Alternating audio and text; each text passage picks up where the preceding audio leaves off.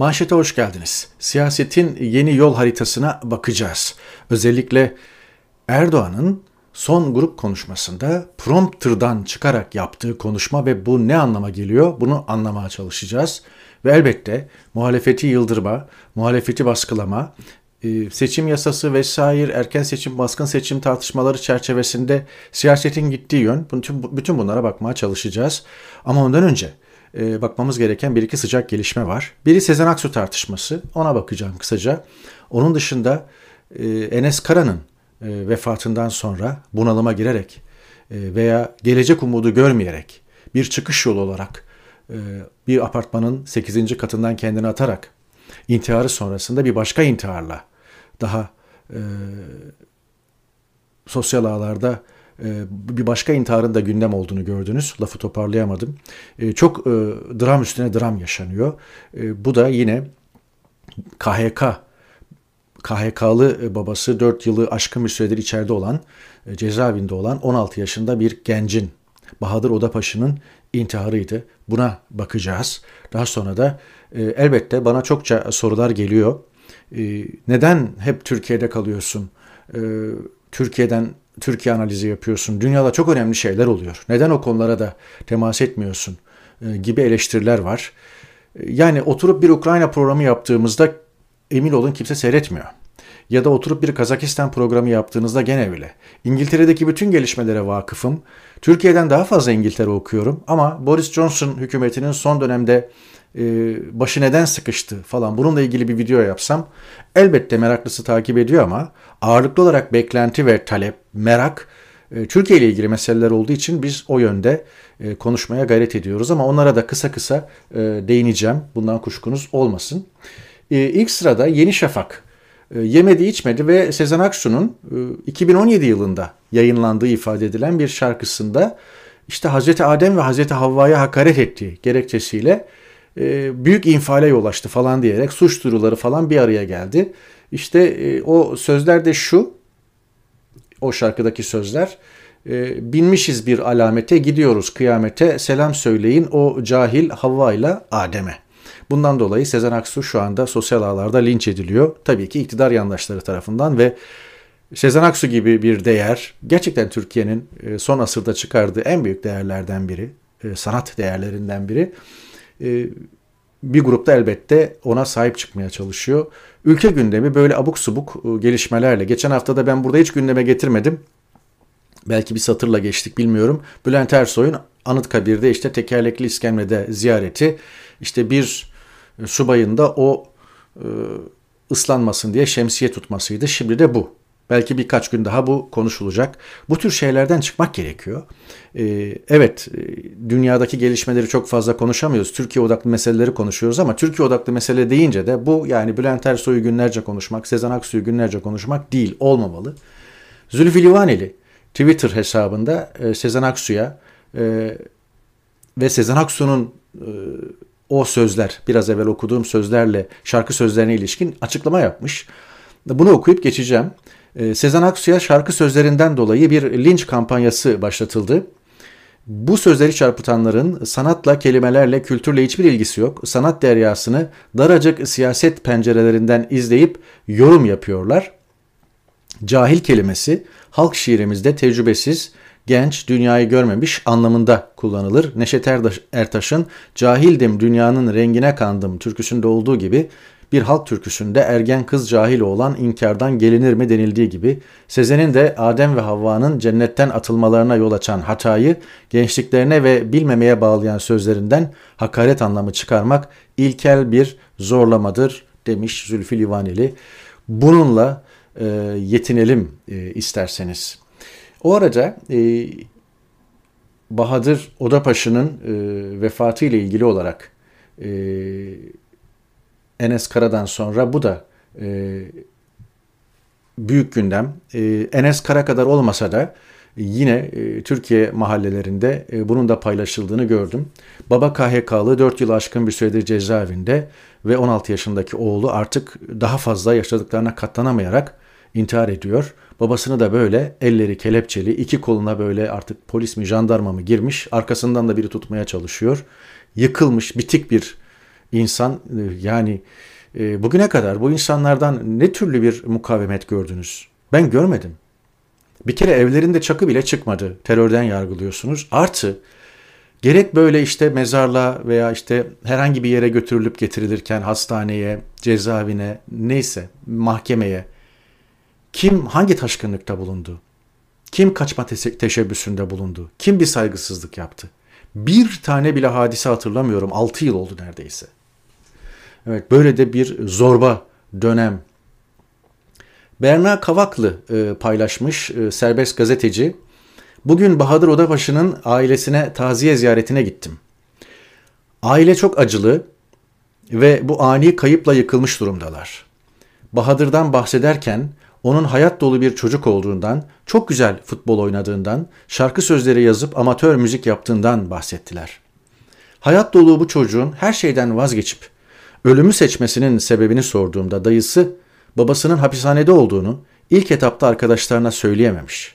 Zamanla babasının yokluğuna bir açıklama getirmek ve onun hem KHK'lı hem de hapishanede olduğunu söylemek zorunda kalmış. Ve arkadaşlarının birçoğu yavaş yavaş ayrılmış etrafından.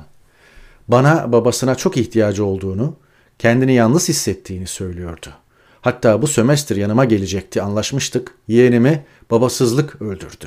Bu son olur inşallah diyor. Siyasetin gölgesinde verilmiş adil olmayan kararlar, uzun tutukluluk süreleri, toplumun bu insanları dışlaması ve sistemin KHK'lı yüz binlerce insanı sivil ölüme layık görmesidir Bahadır'ın yaşadıklarının özeti. Maalesef adaletsizlik ölüyor, öldürüyor. Dayısının ifadesiyle 16 yaşındaki baba Bahadır'ın ölümünde babasızlık da mühim bir etmen. Bunu serbest gazeteci Berna Kavaklı'nın bu tweet dizisinde öğreniyoruz. Evet, karların örttüğü bu mezarda yatıyor Bahadır Odabaşı. 16 yaşında bir genç daha söndü gitti. Evet.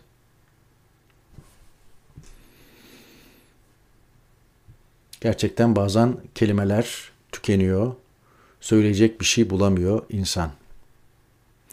Şimdi sizi sınırlarımızın dışına götüreyim birkaç cümle. Ee, dünyada gerçekten Türkiye'deki her şeyden daha önemli gelişmeler yaşanıyor. Bundan emin olun.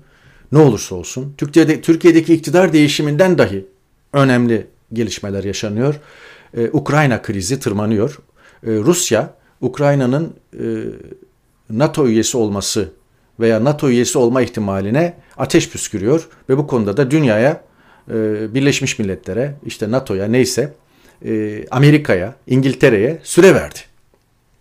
Ezbere söyle, söylemedim bu dediklerimi. Bu bir mazeret bir gerekçe ama Ukrayna sınırına büyük bir yığınak yaptı Rus ordusu ve Avrupa, dünya nefesini tutmuş bekliyor. Acaba ne olacak? Süre dolduğunda ne olacak diye. Bu arada Ukrayna'nın bütün internet şebekesi hacker saldırısına uğradı ve çöktü. Hiçbir şey yapılamadı. Resmi işlemler de çöktü. Kiev, e, Ukrayna'nın başkenti, Kiev yönetimi e, bunu Rusya'ya bağlıyor. Rusya mesele Rusya e, malum geriye doğru sicili çok iyi değil bu hackerlık falan meselelerinde ve ülkelerin iç işlerine müdahale, seçimleri falan etkileme meseleleri, meselelerinde. Akla hemen o Rusya ihtimali geldi ama bilemiyoruz. E, büyük bir kriz ve sular ısındı. Bir savaş çıkar çıkmaz veya bir sıcak çatışma olur olmaz bilmiyoruz. Fakat şu anda İkinci Dünya Savaşı'ndan bu yana Soğuk Harp, Soğuk Savaş vardı ya o yıllar 50'li 60'lı yıllar hele özellikle. O dönemi geçen bir e, gerilim var. Soğuk Savaş yıllarını geçen bir gerilim var bölgede. Evet. Kazakistan birkaç gün isyan konuşuldu, gelen görüntüler analiz edilmeye çalışıldı ve ondan sonra arkası kesildi. E, görülen şu, 81 yaşındaki Nazarbayev hiç ek, e, halk önüne, ekran önüne veya hiç kendisini göstermedi, çıkmadı. Sağlık durumu iyi olmayabilir. Ülkeyi terk etti. E, ama görüldü ki zaten biliniyordu. Bütün çocuklarının e, milyarlarca dolarlık e, varlığı var ve ülke ülkeyi adeta paylaşmışlar. Zenginleşmenin en önemli, en kolay yolu devleti ele geçirmek e, ya da devlette bir devletten bir pay e, almak veya pastadan bir pay almak en kolay yolu bu.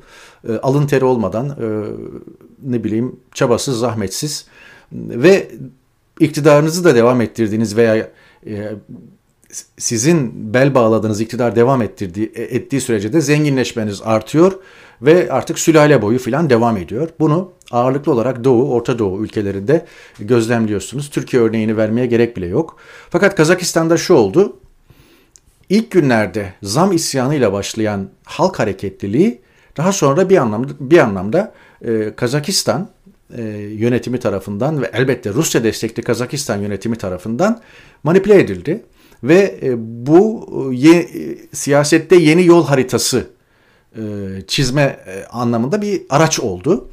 Nazarbayev yönetimi bütünüyle tasfiye edildi, yeni bir yönetim kuruldu vesaire ve şu anda Nazarbayev'in ekibi de tasfiye ediliyor. Dolayısıyla bu halk hareketliliğini başta e, son derece masum, son derece insani taleplerle yola çıkan bu, hareketi e, polis veya güvenlik güçleriyle müdahale etmeden Kazakistan yönetimi ikinci, üçüncü günden itibaren şeye çevirdi.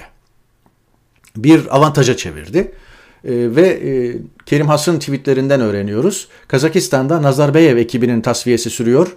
Kazakistan Devlet Başkanlığı'ndan yapılan açıklamaya göre görevden alınıp alınmadığı yılan hikayesine dönen ülkenin istihbarat servisi 1. Başkan Yardımcısı Nazarbayev'in yeğeniymiş. Samat Abiş bugün itibariyle görevden alınmış. Malum Kazakistan'daki olaylar sonrası istihbarat servisi başkanı ve iki yardımcısı daha önce tutuklanmıştı. 2015'ten beri birinci başkan yardımcılığı görevinde bulunan Abiş'in tutuklanıp tutuklanmayacağı ise henüz belirsiz demiş. Nazarbayev Samat'ı Putin gibi yetiştirmek istemişti diyor tweetlerinde. Belli ki bir yani en önemli e, amaçlardan biri, biri Nazarbayev ve ekibini tasfiye etmekmiş. Halk hareketliliğini Kazakistan ve Kazakistan'daki yeni yönetim ve Rusya e, bu noktada evirdi. E, ve bu amaç uğruna kullandı. Öyle görülüyor. Kazakistan daha konuşulur ama bir süre sonra tıpkı Afganistan gibi unutulur. Afganistan hemen Kazakistan'ın hem altında görüyorsunuz haritada da. Ee, gerçekten 40 e, milyon kadar nüfusu var ve nüfusun %70'inden fazlası belki e, açlık sınırında yaşıyor. Büyük bir insani dram yaşanıyor Afganistan'da. Afganistan'ın Afganistan'ın bütün parası falan da dondurulmuş durumda e, dünyadaki. Afgan yönetimi de işte dış güçler bu hale soktu diye halka kendini anlatmaya çalışıyor. Afgan yönetimi kim? Taliban. E, yaz aylarında e, Taliban yönetime gelirken yaptığımız analizlerde hatırlayacaksınız. Birkaç ay konuşacağız ve unutacağız e, demiştik. Öyle de oldu. Bu bir kehanet değildi.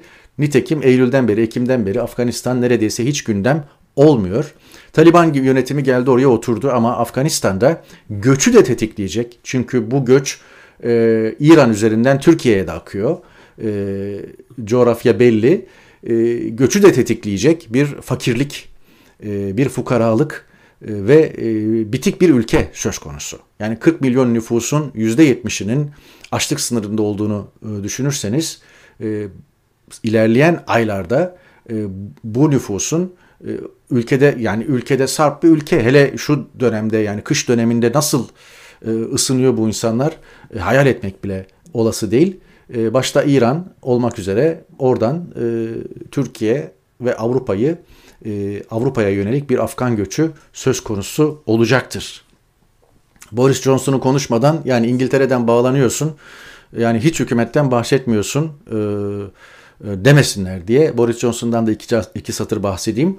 E, Boris Johnson e, hükümeti ilk defa bu kadar zorda. Özellikle son haftalarda İngiliz basınının arka arkaya çıkardığı skandallarla başı ağrıyor. O da nedir? Covid döneminde daha doğrusu lockdown döneminde yani tam kapanma döneminde başbakanlık konutunda verilen partiler. Sayısız parti verilmiş. Bunun 3-4 tanesi deşifre oldu. Buraya insanlar davet edilmiş, başbakanlık çalışanları ve insanlar e, iki yani ev ziyaretleri bile yasakken e, toplu taşımada falan her yerde çok ciddi e, önlemler alınmışken evden çalışma e, söz konusuyken o aylarda başbakanlıkta parti verilmesi kamuoyunun tepkisine yol açtı. E, BBC'de e, bir haftadır tek gündem bu. Ve e, hala şu konuşuluyor. Acaba Boris Johnson daha önceki pek çok şeyi atlattığı gibi bunu atlatabilir mi? Boris Johnson'un bugüne kadar sıkıştığı en önemli konulardan biri. Hatta son patlayan e, başbakanlıktaki parti şu. O kadar çok parti verilmiş ki sonuncusunu e, hatırlatayım. Prens Philip'in, kraliçenin kocası Prens Philip'in cenaze töreni, töreni gerçekten lockdown'da, kapalılık döneminde, tam kapanma döneminde o kurallara riayet edilerek e, yapıldı. Yani 30 kişiyle sınırlı tutuldu katılanlar. Kraliçe tek başına işte kilisede oturdu vesaire. Covid önlemlerinden Covid önlemlerine tam anlamıyla uyuldu. Ondan bir gece önce son parti sızan e, basına sızan son parti ondan bir gece önce başbakanlık konutunda yapılan parti kraliçeye büyük saygısızlık olarak adada e, değerlendirildi ve Boris Johnson e, daha önceki partilerden dolayı özür dilemedi ama bu son partiden dolayı kraliçeden özür dilemek zorunda kaldı. Bakalım iş nereye gidecek? Evet. Bu arada e, özellikle e, Avrupa'daki enflasyon, e, Amerika'daki enflasyon e, falan çok e, Türkiye'de konuşuluyor. Erdoğan'ın da dilinde işte boş market rafları falan gibi büyük yalanlar söyleniyor. Ve Avrupa'daki özellikle enflasyonun işte Türkiye'ye göre çok daha fazla katlandığı falan söyleniyor. Verilen örnek de şu. E, misal e, diyelim ki bir ülkede enflasyon 2 ise e, şimdi 6 olmuşsa bak burada enflasyon 3'e katlandı deniyor. Türkiye'de böyle olmadı deniyor. E, evet enflasyon arttı. E, Almanya'da, Fransa'da, İngiltere'de de. İngiltere'de 6'lara kadar çıktı. 5,5-6'lara kadar çıktı. Daha önce yıllık enflasyon 2-2,5 seviyesindeydi. Mesele bu değil. Mesele alım gücü. Bakın bu grafik e, Avrupa'daki 2021 itibariyle alım gücü grafiği. Grafikte e, turkuaz renkli e, bölge e, yani turkuaz renge doğru giden bölgeler satın alma gücünün e, düştüğü bölgeler.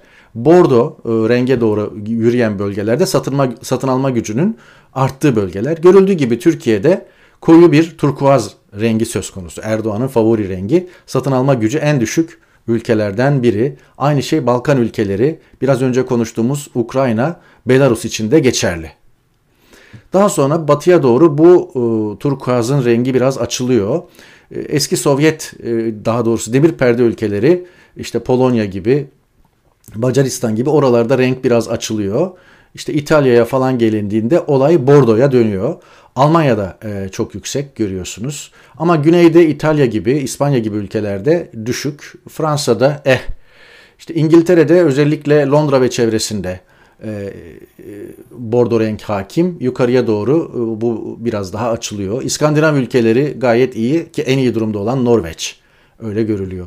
Mesele budur. Yani satın alma gücüdür. Enflasyon, asgari ücret veya bir ülkedeki e, malın fiyatı işte veya benzinin fiyatı Almanya'da, Fransa'da ne, Türkiye'de ne falan bu karşılaştırma değil. Bir kişinin satın alma gücü şu. Bir kişinin maaşıyla veya bir asgari ücretinin ücretlinin maaşıyla kaç ekmek, işte kaç kilo et e, alabileceği, arabasının deposunu kaç kere e, akaryakıtla doldurabileceği falan manasına gelir. Biz yılmadan e, bunu söylemeye, bunu anlatmaya devam edeceğiz. Öyle görülüyor. Şimdi geçelim siyasetin yeni yol haritası e, konusuna. E, Recep Tayyip Erdoğan'ın geçen hafta grup toplantısında Edirne İmralı örneğinden hareketle yani Edirne İmralı'ya hesap verecek e, örneğinden hareketle başlattığı yeni siyasi süreç e, bence e, bu haftada konuşulmalı. E, orada dikkat çeken konu şu. E, Erdoğan'ın Erdoğan bu sözleri yani Edirne'deki İmralı'dakine hesap verecek. Demirtaş Abdullah Öcalan'a hesap verecek. Sözünü metinden çıkarak söyledi. Yani prompterdan okumadı. Prompterdan konuş e, bir video yayınladı önce. E, bu CHP ile e, ne bileyim işte HDP ilişkisi, PKK ilişkisi vesaire. O videonun ardından prompter'a geçmeden o videoyu seyrettikten sonra o videonun düşündürdükleri üzerine irticali olarak spontan yaptı. Ve bunu zaten net olarak anlıyorsunuz. E, bunun e, üç delili var. Birincisi görüntüler. Birazdan o görüntüyü getireceğim ekrana. İkincisi ertesi gün gazeteler iletişim yani propaganda başkanlığından, propaganda bakanlığından gelen e, şeyle, telkinle olacak. O bölümü görmediler. Ya da sayfanın en dibinde gördüler. Başlıklara falan asla çekmediler. Üçüncü e, delili de şu. Erdoğan'ın prompterdan çıktı Erdoğan prompterdan çıktı, metinden çıktı, metinde böyle bir ifade yoktu türü iddialar benim tarafımdan değil benden önce hafta sonu boyunca da dile getirildi. Fakat bu konuda hayır metinde böyle bir şey vardı diye bir düzeltme de yapılmadı propaganda başkanlığından veya bakanlığından. Bu üç e, delile dayanarak artık diyebiliriz ki Erdoğan konuşmanın o bölümünde metinden çıktı. Prompter'a bakarak konuşmadı ve bu konuşma sarayın çok işine gelmediği için veya burada Erdoğan bir planı deşifre ettiği için ertesi gün gazetelerde de görülmedi. Şimdi o bölümü tekrar izleyelim birlikte ve üzerine konuşmaya devam edelim. Al işte. Buyur. Bunların göğsündeki şeref madalyası o dağa kaçırdıkları yavrular. Bunlardaki vicdan bu. Ama şu anda Edirne'deki en büyük hesabı İmralı'dakine verecek. Zannediyor ki her yer şu anda toz pembe. Değil. Onların da kendi içinde ayrı bir hesaplaşmaları var. Ve bu hesaplaşmayı da yapacaklar. Elinde silahı olan teröriste ipini kaptıran siyasetçi Bay Kemal gibi. Diğerleri demokratik zemini terk etmiş, tercihini kandan ve zulümden yana kullan. İşte demokratik zemini terk etmiş falan deyince demokratik zemin kelimesi Erdoğan'ın irticali olarak kullandığı bir kelime değil, prompter'a dönüyor. Ama ondan önceki konuşmalar, prompter'dan çıktığı konuşmalar zaten kesik kesik bir bütünlüğü yok. Oradan da e, bir planın e, Erdoğan tarafından deşifre edildiğini e, görüyoruz. Fakat bu deşifre e, e, yani daha doğrusu ağzından kaçırdığını görüyoruz. Deşifre kelimesi doğru olmadı. Erdoğan ağzından kaçırdı bir planı ve bunun bunu ağzından kaçırması e, Ankara'nın işine gelmedi. Yani horoz erken öttü daha sabah olmadan gibi ve o laf hemen basın bürolarına e, talimat giderek talimatla e, geçilerek çıkartıldı. Bunu kullanmayın dendi. İşte bu sabah gazetesinde Erdoğan'ın grup konuşması tam sayfa haber oldu. Ne bir ara başlık var ne bir şey var. İşte Erdoğan daha karşınıza çıkaracakları adayı bile belirleyemediler diyor. Birinci sayfada zaten yok. Görüyor. Koca sayfada yok. Sadece sayfanın en dibinde başta da söyledim ya en dibinde burada bunlardaki vicdan bu ama şu anda Edirne'deki en büyük hesabı İmralı'dakine verecek diye görüyorsunuz. Sayfanın en dibine o cümle konmuş. Hani onu da koymuşlar şey olmasın diye ne derler e, görmedi. Sabah gazetesi görmedi denmesin diye. En dibine koymuşlar. E, PKK'nın uzantısı bu kadını mecliste istemiyoruz falan lafıyla. Evet. Böyle bir e, durum. E, Erdoğan e, belli ki e, bu süreçte Abdullah Öcalan üzerinden bir şey planlıyor. E, HDP'yi şeytanlaştırma, Anayasa Mahkemesi'nde devam eden kapatma davası. E, geçen seçimde e, Öcalan'a mektup yazdırmışlardı. E, işte taban bağımsız kalsın denerek e, Millet İttifakı adayları desteklenmesin falan e, manasına. Bu planı Selahattin Demirtaş çıkışıyla e, bozmuştu. E, şimdi de aynı şekilde e, HDP'yi şeytanlaştırma ve HDP seçmeni. Şimdi şunu kabul edelim. HDP seçmeni evet kendi içinden bir cumhurbaşkanını seçemiyor ama en azından istemediği cumhurbaşkanına da oy vermiyor. Yani Tayyip Erdoğan'a oy vermeyecek. Dolayısıyla e, Tayyip Erdoğan'ın e, istediği şey e, yani madem bana oy vermeyeceksiniz vermeyeceksiniz dolayısıyla kendi adaylarınıza oy verin. Yani Millet İttifakı'na falan oy vermeyin ya da Ekrem İmamoğlu, Mansur Yavaş veya Kılıçdaroğlu aday olursa onlardan birine oy vermeyin falan. İşi o noktaya götürmek. Bu noktada tekrar HDP seçmenine dönük olarak bağımsız kalın e, gibi bir e, mektup yazdırma veya bir görüntülü konuşma cezaevinden bir mesaj e, murad ediyor olabilir.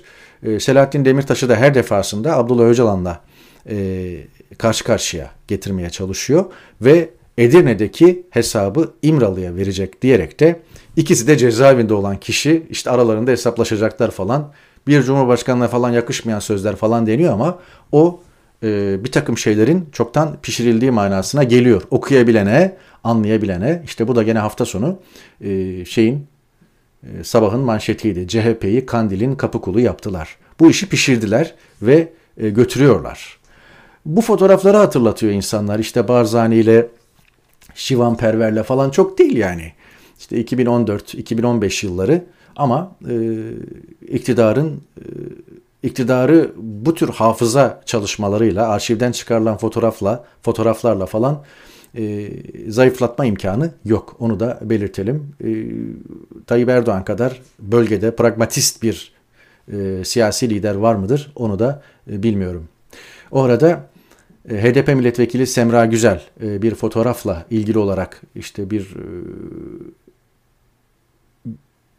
kendisinin işte gönül verdiği bir insanla veya işte nişanlısıyla işte fotoğrafı çıktı işte o da PKK üyesiymiş vesaire gibi bir şeyle yıpratılmaya çalışılıyor. Yıllar önceki fotoğraf arşivden çıkarılmış ve HDP teker teker düşürülmeye çalışılıyor. Sorun e, muhalefetin bunun ne kadar farkında olduğu. Akşener fezleke'ye evet oyu vereceğiz diyor. Yani Semra Güzel e, dokunulmazlığı Türkiye Büyük Millet Meclisi'ne geldiğinde e, CHP sözcüsü de fezleke geldiğinde gereğini yapacağız demiş. Yani gereği neyse bunu söyleyin. Yani Akşener en azından daha açık sözlü. Evet oyu vereceğiz demiş. Yani siz de evet vereceğiz veya hayır vereceğiz diyebilirsiniz. Ee, Özgür Politika e, gazetesinin e, manşeti son derece enteresan. Yine yalan, yine iftira. Erdoğan'ın Alevi örgütlenmesinin Alman devletinden 2 yıl önce 30 milyon euro yardım aldığı sözleri belgelerle yalanlandı. Belgelere göre en çok desteği AKP'nin Almanya'daki uzantısı DİTİB alıyor. Söyledikleri her şey yalan, söyledikleri her şey iftira.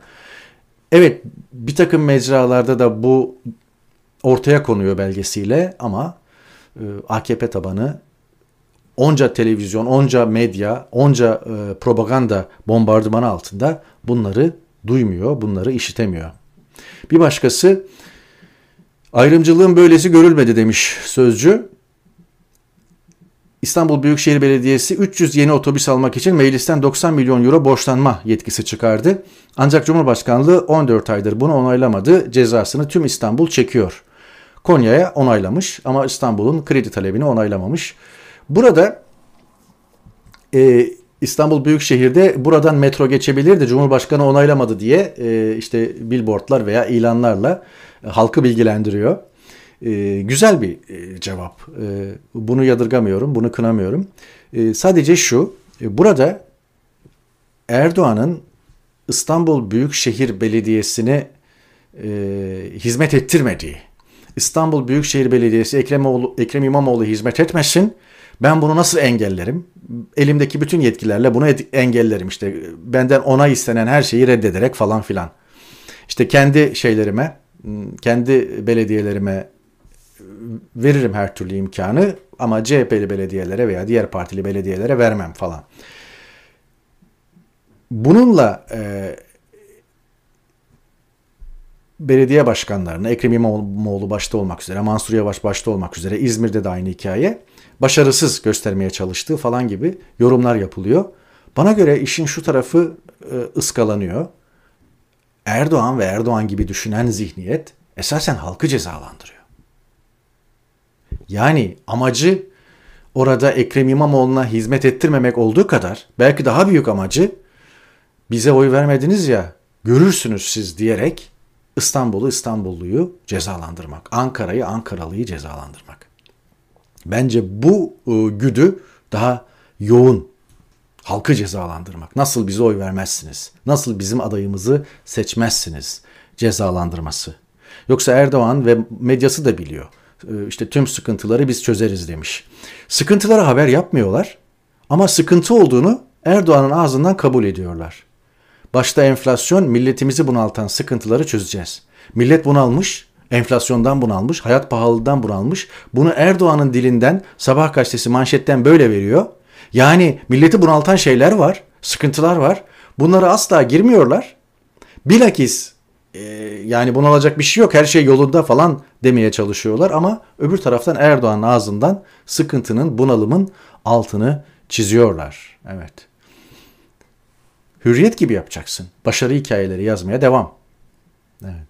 Sabah gazetesi orada tufaya düşmüş ama e, akım derken E, Hürriyet başarı hikayeleri yazmaya devam demiş ve ben yani demiş yani e, Hürriyet'te en azından başımız iktidarla belaya girmesin de, de, de, diyen diyebilecek bir yazı işleri kadrosu var. Yani evet. Son notumuz Sena Kaleli'den gelsin. Zamlardan dolayı sanki doğal karantina oldu ülkede.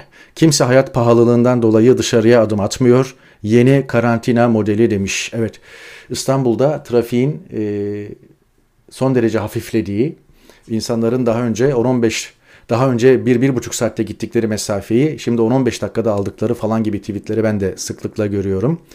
Ee, yeni karantina modeli de bu olsa gerek Sena Kale, Kaleli'nin e, tweetiyle onu da not düşmüş olduk. Böylelikle haftanın ilk manşetini e, kapatıyoruz efendim. Bir sonraki yayında görüşmek umuduyla. Hoşçakalın.